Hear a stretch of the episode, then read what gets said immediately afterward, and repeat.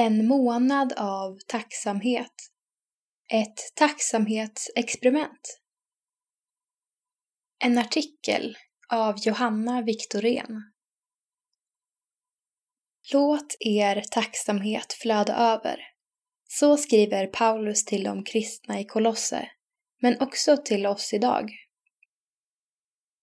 Detta vill insidan göra praktik av. Därför ombads två ungdomar, Elias Bergström och Agnes Nilsson, att genomföra ett tacksamhetsexperiment. Häng med på deras resa genom en månad av tacksamhet. Insidans tacksamhetsexperiment gick ut på att deltagarna skulle skriva ner tre saker de tackade Gud för varje dag samt säga ett tydligt tack till en särskild person varje dag. Detta skulle göras under en månads tid.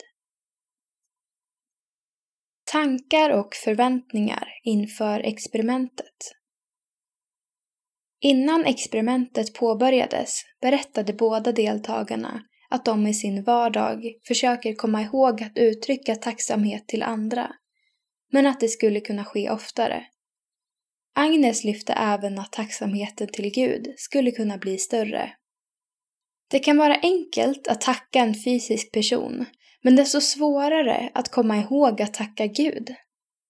Men han är ju trots allt skaparen och är värdig alla mina tack, egentligen mer än någon annan. Både Agnes och Elias hade förhoppningar om att experimentet skulle förändra något i deras tillvaro.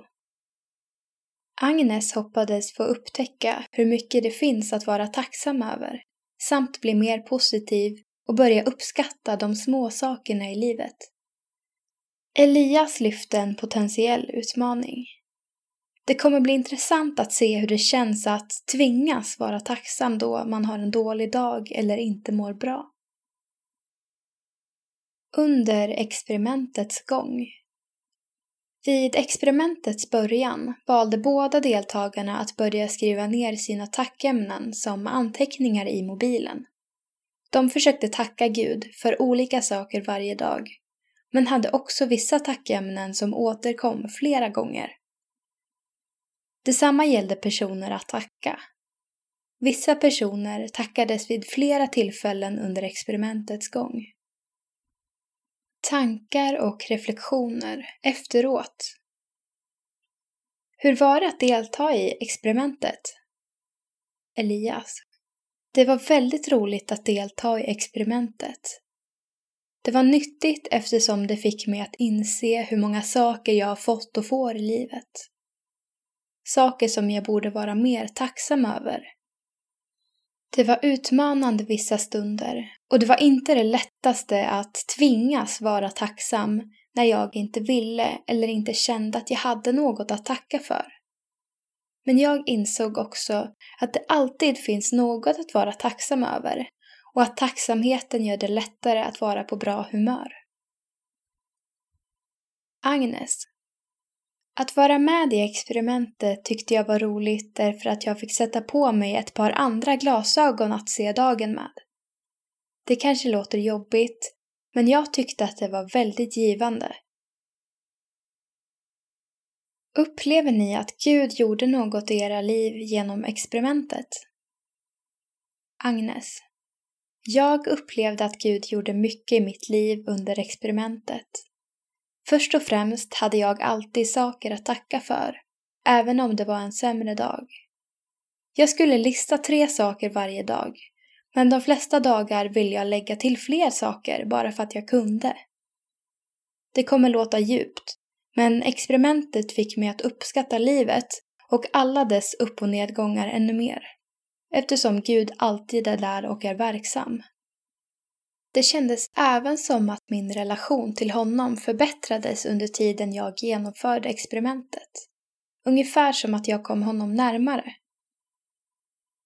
Elias. Absolut. Experimentet hjälpte mig med mitt böneliv.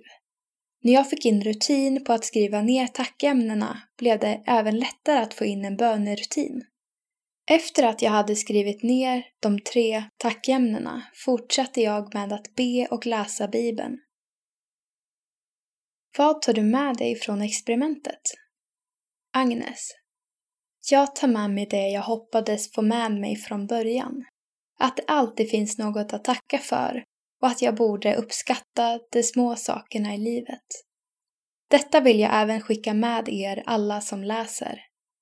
Om man tittar noga så kommer man se att det alltid finns mycket att tacka för, både till fysiska personer och till Gud. Tacksamhet är sjukt viktigt.